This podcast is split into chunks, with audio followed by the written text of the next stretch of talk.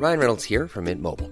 With the price of just about everything going up during inflation, we thought we'd bring our prices down. So to help us, we brought in a reverse auctioneer, which is apparently a thing. Mint Mobile unlimited premium wireless. Ready to get 30, 30, bit to get 30, bit to get 20, 20, 20, bit to get 20, 20, bit to get 15, 15, 15, 15 just 15 bucks a month. So, Give it a try at mintmobile.com slash switch. $45 upfront for three months plus taxes and fees. Promo for new customers for limited time. Unlimited more than 40 gigabytes per month. Slows. Full terms at mintmobile.com.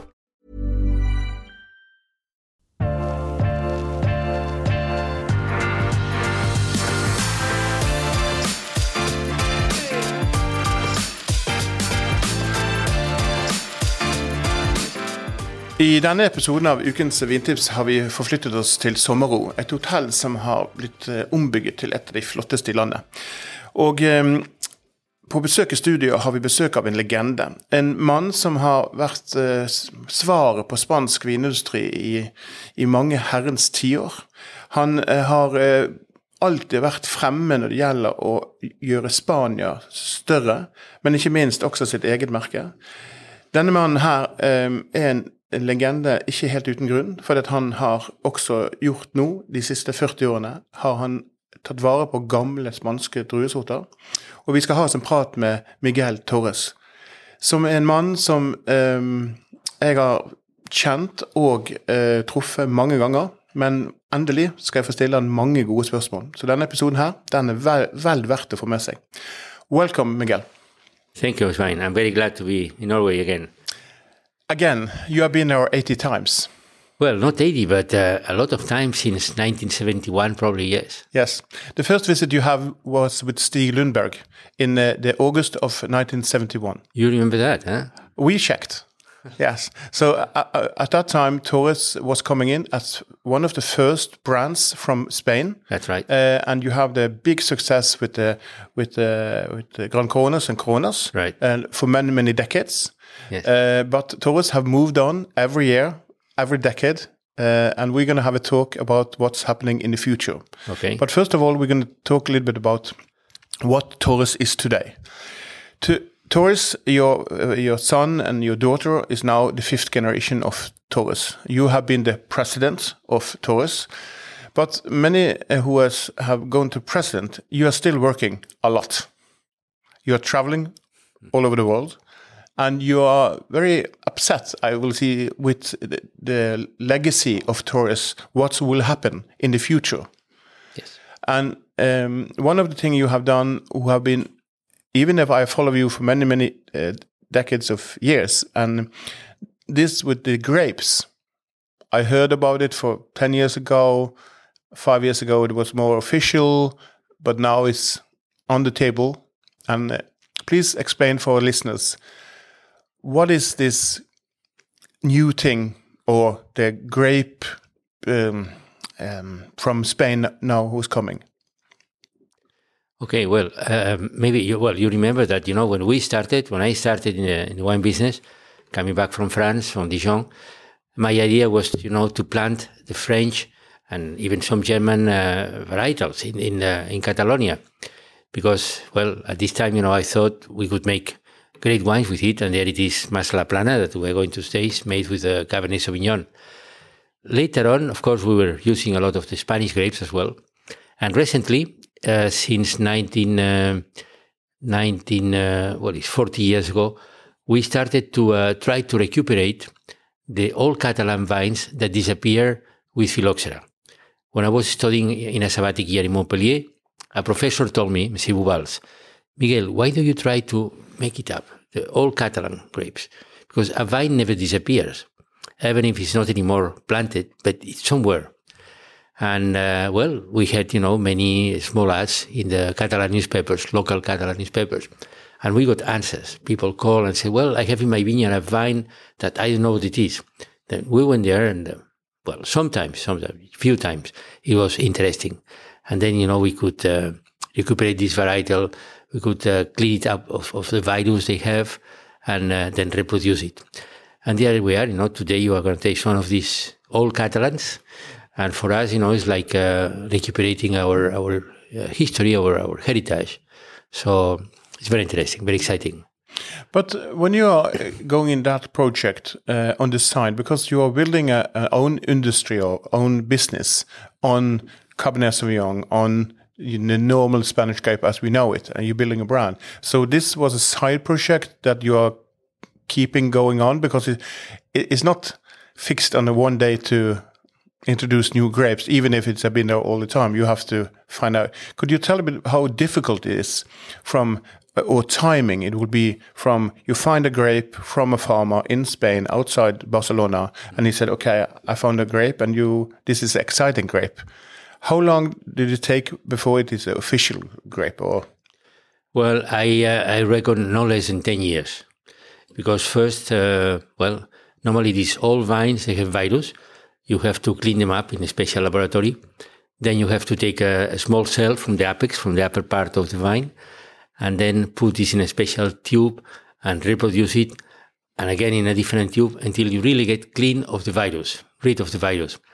And then this goes in the greenhouse for planting, and it takes well three four years, and finally you can go and plant it in the in the, soil, in normal soil in a vineyard. So it's almost ten years. Yeah, but uh, why did you? It, you know, today is is a good thing with the climate because but 40 years ago no one talked about the climate and what it could change so so was this uh, project was going on just to preserve it uh, for some some reason or it was you know why do you make this decision to to include this in your wines today the older wines mm -hmm. well ideally as i told you uh, initially it was just to recuperate these catalan grapes find out what they were like what kind of wine they were making. Later on, you know, with the arrival of the warming, then we realized, you know, that some of these Catalans, all Catalans, they could, um, well, ripen later on. And that's interesting because today, you know, with more heat, uh, the trend is that the harvest is advanced and this is no good for, for the quality. So this, you know, can be a, a solution for the future. Mm. I think it is the solution. Mm -hmm. Because uh, many times when I taste, and I taste a lot of wines throughout the year, uh, it's a lot of talk about the climate and what's going to happen. Will Burgundy disappear because of climate, because mm. of tree? But I think uh, use of uh, new grapes, uh, good techniques, uh, and a little bit um, when in a, in a high attitude of of, um, of wines, you will have wines who is um, who is a little bit different in taste what we're used to, mm -hmm. but it will come up new. And this is project you have have been one of the one of the few in the world mm -hmm. who have done it. Yeah. Not you're not the only one who have found old grapes and fixed it or take it up to the uh, commercial level, but uh, but do you, do you think um, because I heard uh, last time I was in Spain that you also is giving this out for free is not your grapes. Could you tell me a little bit about why that decision come? Well, you know, my son idea, he's a manager, and he thought that uh, it's better to get other, you know, other vignerons, other farmers to plant this grape because it belongs to the to Catalonia. It's not uh, hasn't to be a monopoly of Torres. So there were very few are planting them, but we are prepared to give them away. Mm. Actually, we share with uh, with uh, the farmers, with the wineries in Spain, all the information. Sometimes we produce new technologies, for example, to recuperate the CO2 from the fermentation. Mm. Uh, something we, we, we designed for the first time four years ago. And we, we gave this technology to uh, other wineries. That's the policy. But uh, for your opinion, who have followed Spain's from for many, many years, do Spain need um, a new direction uh, if they're going to keep up with quality? Yes. Yes. Absolutely. We have to adapt. Hmm. And for us, we are fortunate because we have the Pyrenees close. And since 12 years ago, we've been planting vines uh, at an altitude of 1,000 meters. Hmm. And then, you know, we have a cooler climate. And today, I can tell you the best uh, Sauvignon Blanc in the company, uh, even the best, uh, I don't know, uh, uh, Chardonnays are already produced up there. Hmm. So, the for our listeners, Torres, um, make his breakthrough to the international world to launch Plana in 1979. That's the old story. Yeah. But will Plana be a different wine in 20 years than today because of the climate? Well, we will have to adapt. You know, I think uh, if we find out that another vineyard, you know, uh, different than Mas La Plana, can make better wine for, for me and for us, quality we don't compromise. You know, mm. so we can explain that maybe we have to switch a little bit for altitude or whatever. Mm. It has to be, you know, a top wine always. But you're going to still live in your house in the vineyards of Mas La Plana? Yes, yes, yes. I hope so. Maybe you should buy a new, uh, build a new house. Uh. Uh -huh. But Mas La Plana have uh, also um, marked uh, Torres for the international, and you have talked about this many, many times. But let us go back to 1979 and um, the history of, of Torres. Um, when you approached the the the, the tastings uh, at that time, and what happened with Torres as a brand. Because you were taking over from your father, and you have many good ideas when you're coming in, but it was not easy. Mm -hmm. Could you tell me a little bit about how Torres have been the the brand it is today, but also the family company? Because you are one of the companies who is family owned, one of the largest, and you are present in the uh, United States, in Chile. Mm -hmm. You have been to China. Yes, yeah. we, we're, yeah. we're still in China for commercial purpose. Yeah, yeah, yeah. But the vineyard didn't work, no. Yeah, yeah, yeah. Thank God for that today. But but um, but uh, could you tell me a little bit of the story of this? Because everything happened in your time. Well, you know, if we focus on the history of uh, Mas La Plana, mm. um, I remember when I planted Cabernet Sauvignon uh, very early after I returned from Dijon. You know, mm. a small plot uh, near Villafranca, and uh, three years after already, I saw that could make a good wine Jean Leon, my, my friend also, had planted Cabernet and I tasted the first wines and I said, well, that's what we need. So when uh, we bought the state of Mas La Plana in the 60s, then I planted immediately Cabernet Sauvignon. And that's why we were able, the first harvest, 1970, with very young vines, to produce the first Mas La Plana with, uh, what, 60% or 70% Cabernet Sauvignon. And amazingly enough, in this tasting in Paris by Gault Millau, with a French jury, not a Spanish jury, French jury, they prefer our wine to Chateau Latour and Chateau uh, Larose Trintaudon and many other great Bordeaux. You know, it was fantastic. That evening, that uh, evening, you you have that price of your wine. It, it was a big party. Uh, not really, you know. No, not really. The first evening because we didn't realize the importance of that. But then, you know, on the days following, we started to have telephone calls, you know, from our reporters and journalists, whatever, from Germany, from England. Hey, Miguel, what have you done? It is fantastic. And then we realized that was going to really place uh, Mas and Spanish wines, you know, in a much higher stage. Mm. So, and then I think we, we did celebrate. Yeah. So, but but uh, what is the most common misunderstanding of Mas La Plana? Because just for listeners, Mas La Plana is is is a brand who keep the price low to the quality. The wines are old, concentration, and today, maybe the latest 15 years for me, the Mas La Plana have been perfection. Like the Sassicaia, like others. You know everything about the vineyards. Uh, the Mas La Plana is a state of art, but still the price have not go going up a lot. Why not? Mm -hmm. Why not? Well, this is a discussion we had in the family sometimes, you know. That's why, you know, we we have to sell all the other wines. And sometimes, you know, we prefer that, you know, we don't make as much profit with Mas La Plana, provided, you know, I don't know, the restaurant or the uh, specialized shop buys all our wines, right? If we were depending only on Mas La Plana, the price will be twice higher, probably. Yeah. And here you have a good advice from Miguel Torres himself that he should sell it for twice his price. Mm. but uh, even if if, uh, if it's good quality, this is also a very good cellar wine. And after the break, we will have a, a little taste of it of the 2018 vintage, and I'm looking forward to it because that's my first sip of this, and I've uh, tasting a lot of vintage, not so many as you, of course. But um, let it let go back to the to the Torres brand. Did you think that when the the when the change was coming up and Spain was coming up as a, a good wine country, that Torres will be what it is today. I, I, you know, you have prices, you have, yeah. Well, I thought you know there were many opportunities because uh, Spanish wines were not up, uh, still not in the you know international map, And uh, I knew Spain could produce fantastic wines. There is Vega Sicilia, you know, is uh, a member of our small group, the Primum Familiae Vini of Europe. Uh, I'm saying that because Yes. next month we're going to Vega Sicilia. Ah. Once a year we visit one wine winery, and, and there we are. And uh, Vega Sicilia was already making great wines, and there were also, you know, some great wines being made in Rioja, Marquesa de Riscal, and others. So there was there was a potential, and uh, the problem that is the Spanish, you know, were they were a bit, generally speaking, reluctant to go out and present his wines. This was not the case with my father.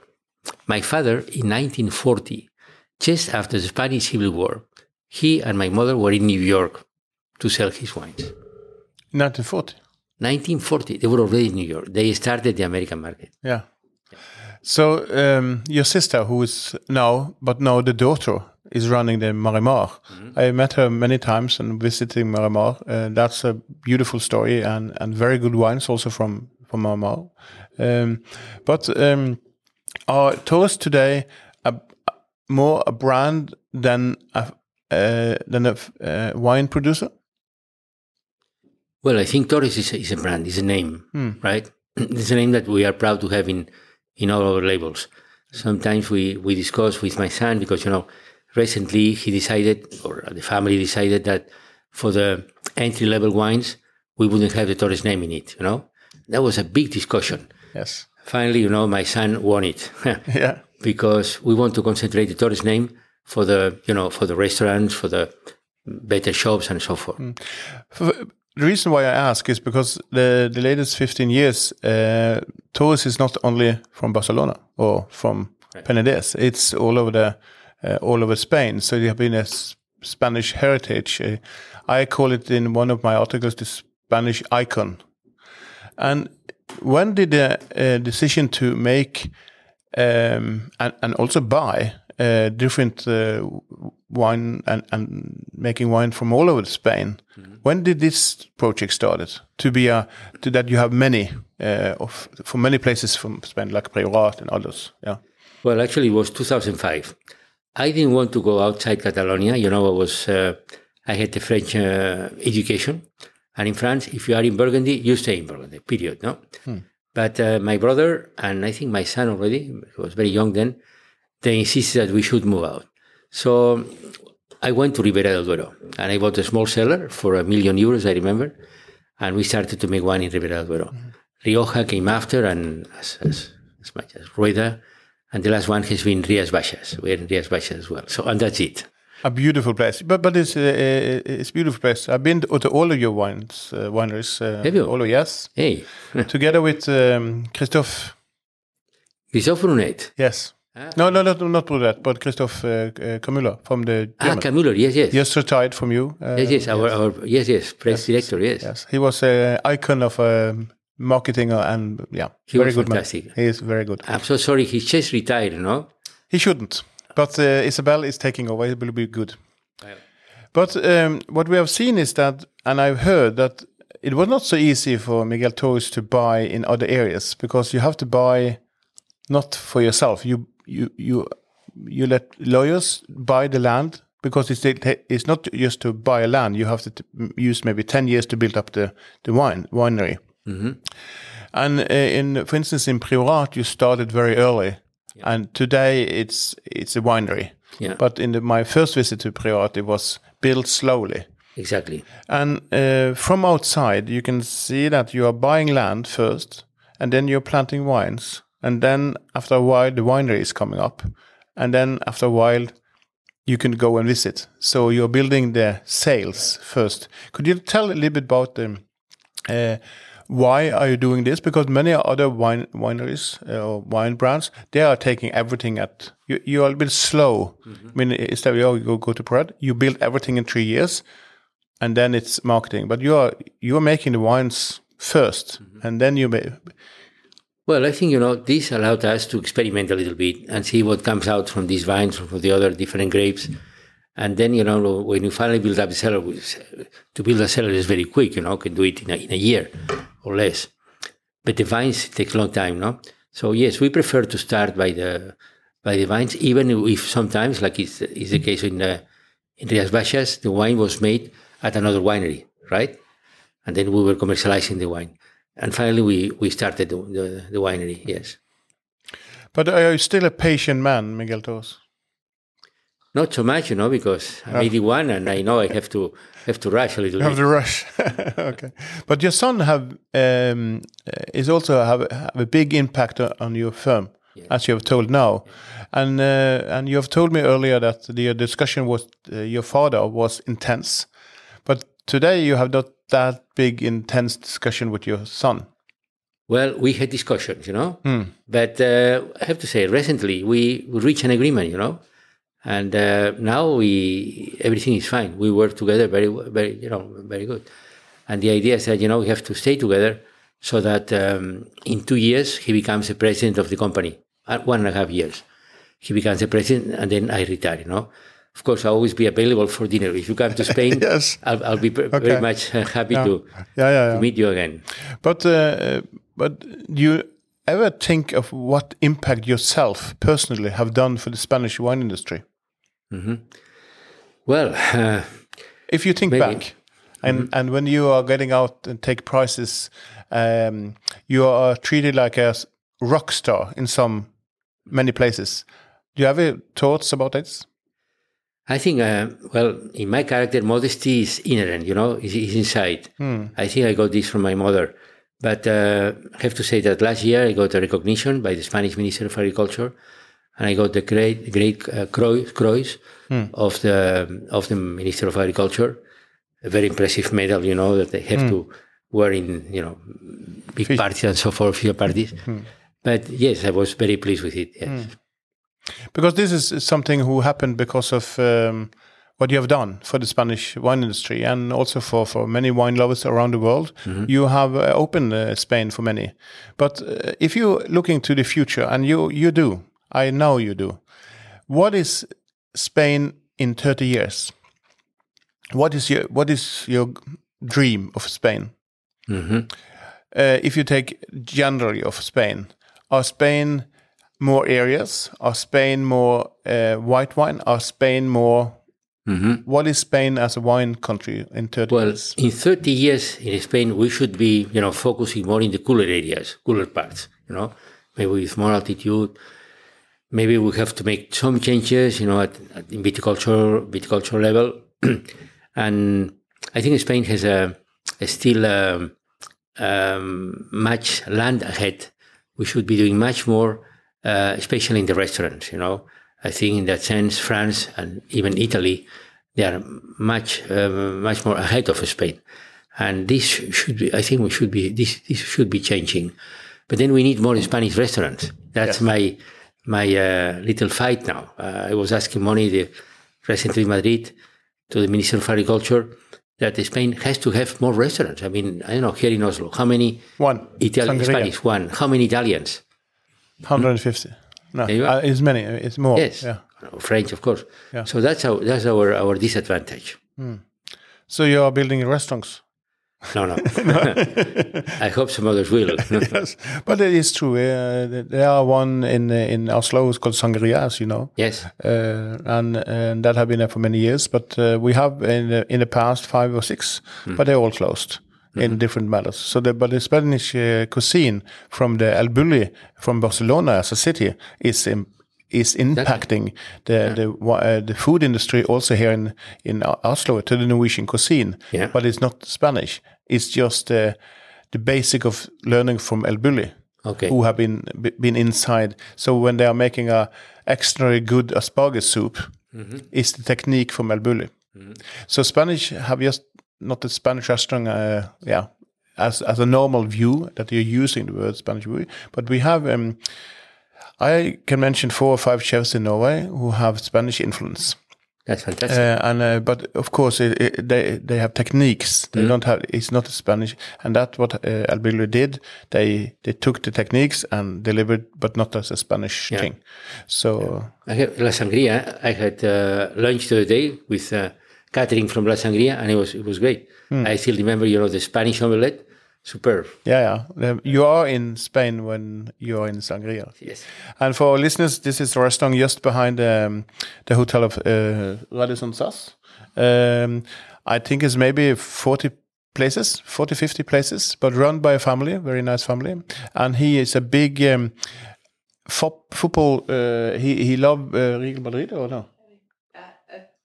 Now and now we have Katrin on the side here. on the side we have a secret guest in our podcast, but um, but we have um, uh, from the Lanzaria. It's a beautiful place where they have served probably tourists for latest 30 years. Yes, something yes. a long long time. And uh, you have old Mas La Plana just to. Mm-hmm. Uh, that's fantastic here. Uh, we're gonna go to the commercial, um, but when, when you're back, we're gonna taste um, one of the best new wines from Torres, and then we're gonna taste uh, Mas La Plana 2018. So in a minute or two, we are back from the commercial. And now we are back from the commercial, Miguel Torres, and uh, in uh, the commercial, uh, it's about wine cabinets. How many wine cabinets do you have at home at Mas La Plana? Ah, you mean uh, in my own uh, house? Yeah. Not many. Maybe I don't know. Maybe I have twenty or twenty-five bottles. Not many because uh, you know the winery is so close. Yeah. So You easily get supply. You know. Oh, so you still have the key?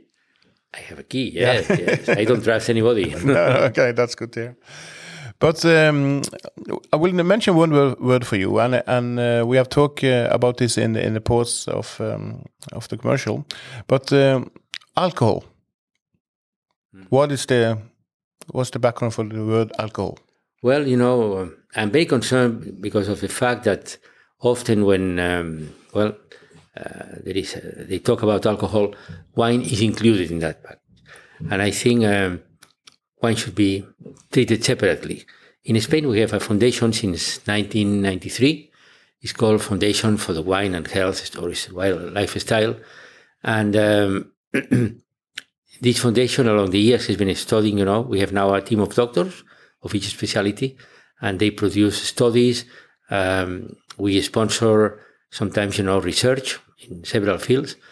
And um, we can prove that in moderation, when you drink with the food, you know, wine is not to be drank during the day, but with the food, uh, wine can be uh, can be okay, can be accepted very well because uh, in the liver, in the in our livers, we have uh, an enzyme that it produces slowly, slowly on the hour, and since the wine comes with food, then also uh, the, the assimilation of the of the alcohol is much much better.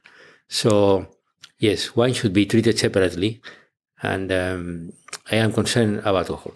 I understand in in, in Norway you have uh, monopolies because in the old days there were problems, and here you have to uh, sometimes have a, a control on the abuse.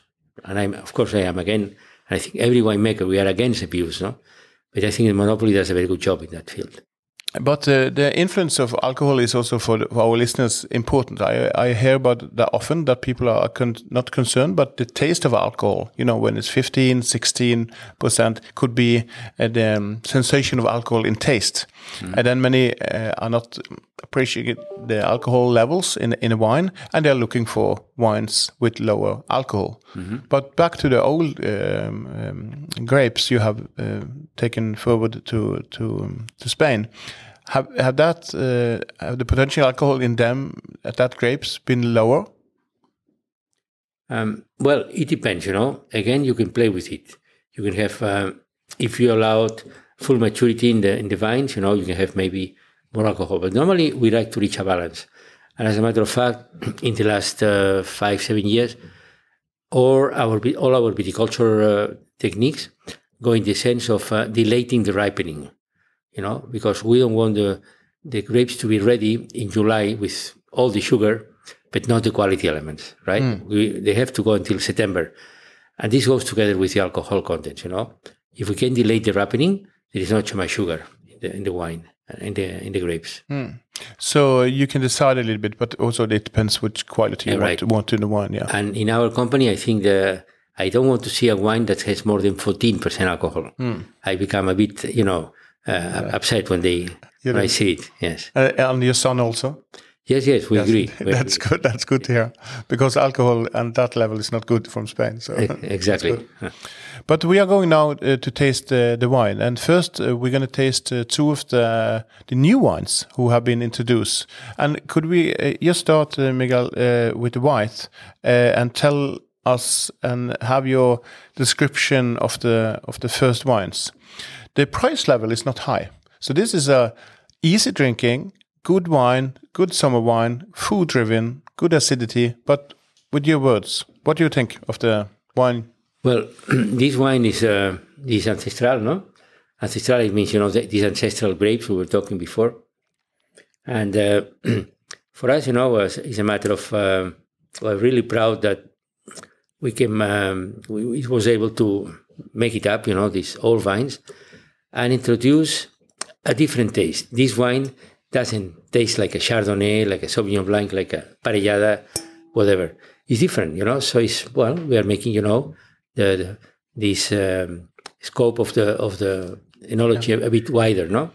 But, but the same thing as Chardonnay when it was first introduced. No one have tasted it, so now everyone is tasting it. This is just a new taste. But for me, this is a, a matured fruit. It have a um, the acidity is there, but it's not overpowering uh, like a Sauvignon Blanc. And the wine have a kind of a fatness, but still um, is food driven by the acidity.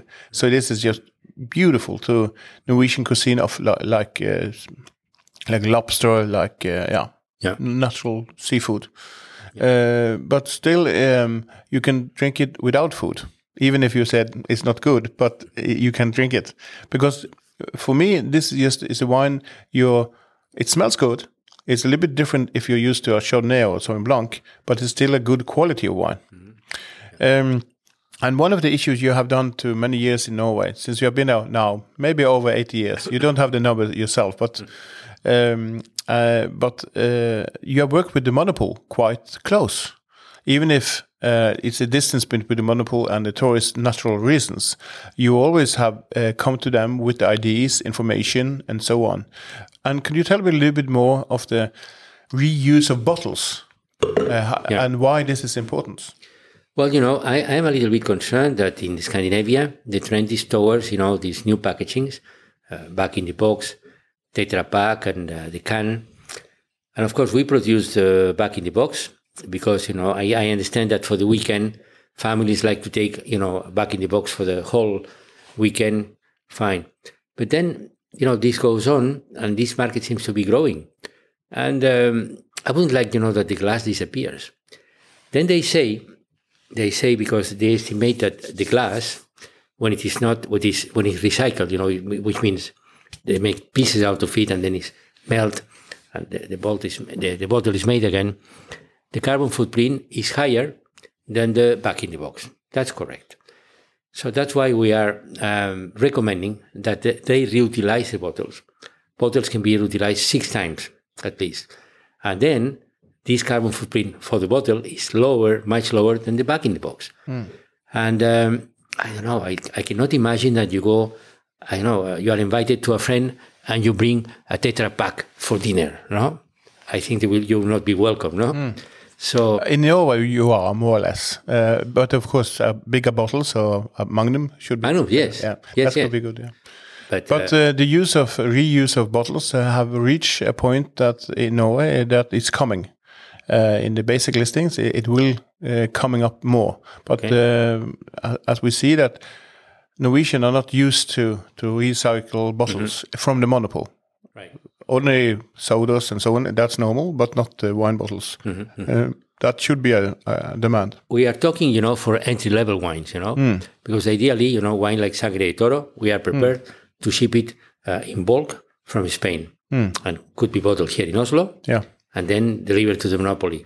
Yeah. We are doing this in other monopolies like Quebec in Canada, you know, yeah. and then you have a much lower carbon footprint. Okay, but let it, let us go over to the to the red, uh, um, and and uh, the next one is um, is for me um, it's my favorite. The the white wine is uh, day to day wine. It's easy to drink, very light, and but this one here is something new.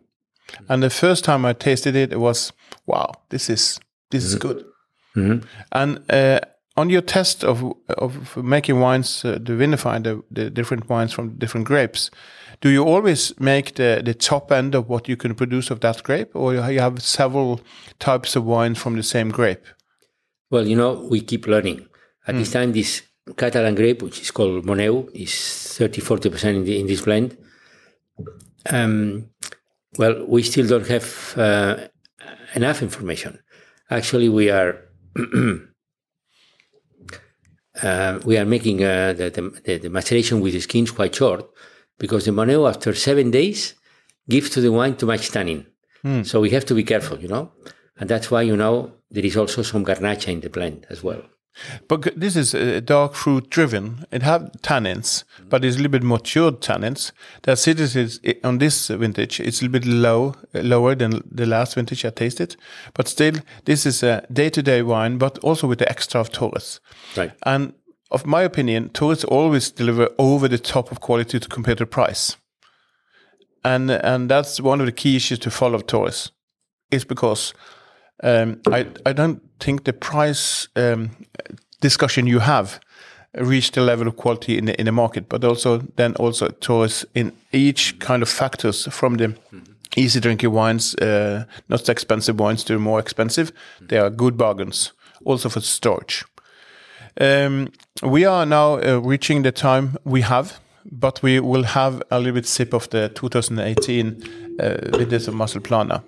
Um, uh, what is your personal relationship when you live in the vineyards of Mas La Plana and have the key to winery?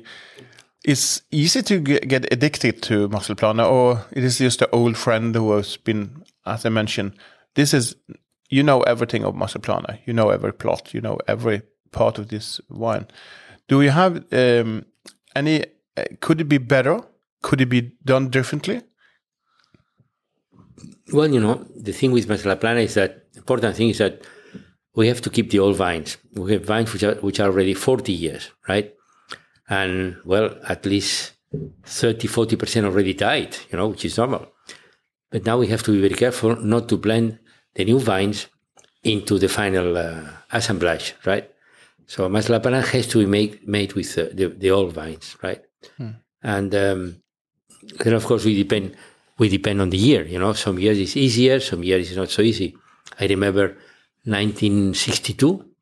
It was impossible. Maybe you, you remember the Pinatubo mm. volcanic eruption in Philippines. Yes. That made temperature to decrease by one degree or, or more, the whole world. And the grapes didn't mature, you know. And by the time they mature, we got botrytis, you know.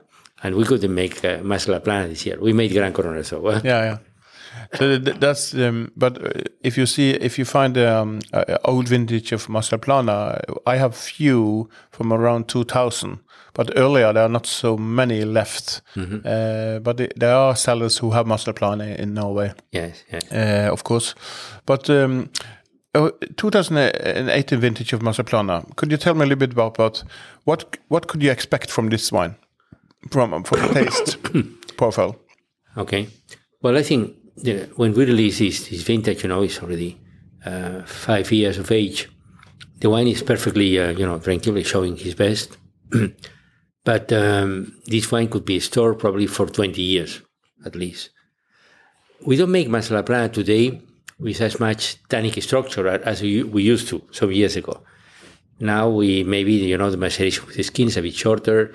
Of course, we don't put any any of the um, La Rafle, I, I, forgot the English name for that. Mm. The wooden part of the grape. Yeah, yeah. Okay. Uh, but um, that, the stem, yeah. The stem, stems, right. So that's why the wine cannot age maybe 30 or 40, but 20 years I think is is, is possible. But Mas La Plana have today uh, their own winery mm -hmm. at the winery or next mm -hmm. to it. So it's a beautiful place to visit. And uh, we can't um, um, we can't stop this uh, podcast without talking about the visitors from Norway, because there have been many, many of the throughout the years, and the new facility at Mas La Plana is just is you have to go there if you. Mm-hmm. And uh, I know that many Norwegian are coming and coming back after the pandemic. Mm -hmm. uh, you are building new restaurants uh, inside, uh, who is very nice. But I know that you have an uh, a vineyard who called Norway. No, you have a oh, yes, the yes, Vineyard Norway. Yeah, yes. It, yeah. is, it is there. Yeah. Uh, what is the story about this? This well, you? you? know, the, in the old days, uh, the, the, dealing or the, the relation with monopolies was different, hmm. And uh, it was normal that, you know, um, every country, uh, Scandinavian country, had a vineyard dedicated to that country. And we have from Norway, we had Finland, we had uh, Sweden. Yes, yes. So in Spain, in your vineyards, uh, it's a vineyards who's called Norway. Or yeah, To Norway, yeah, separated. Yes. Yes. Yes. They're there, they're there. Yes, yes. that's a small secret. You know when you're following Torres a lot, uh, you know the secrets of uh, Torres uh, in behind. Even if not so many secrets left, but um, um, this uh, this talk have been very good. Uh, we will follow up uh, with the article to tell you a little bit more about the fantastic new uh, way Torres is going ahead. And again, thank you for the visit, the 81 visit in in Norway, and um, I hope we see you soon. And I will. Yes, Thank you you. will. Yes. Thank you. Thank you. You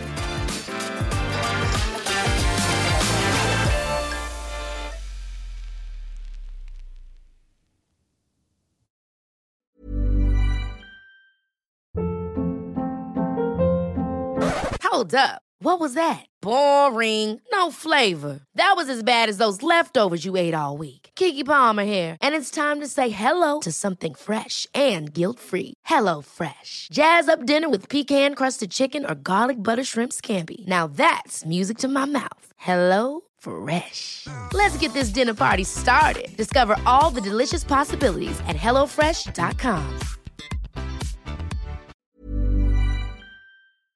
Ukens vindtips med Svein er en Finansavisen-podkast. Programleder er Svein Lindin, produsent er Lars Brenden Skram, og podkast- og videoansvarlig er Marius Mørk Larsen. Ansvarlig redaktør er Trygve Hegdar.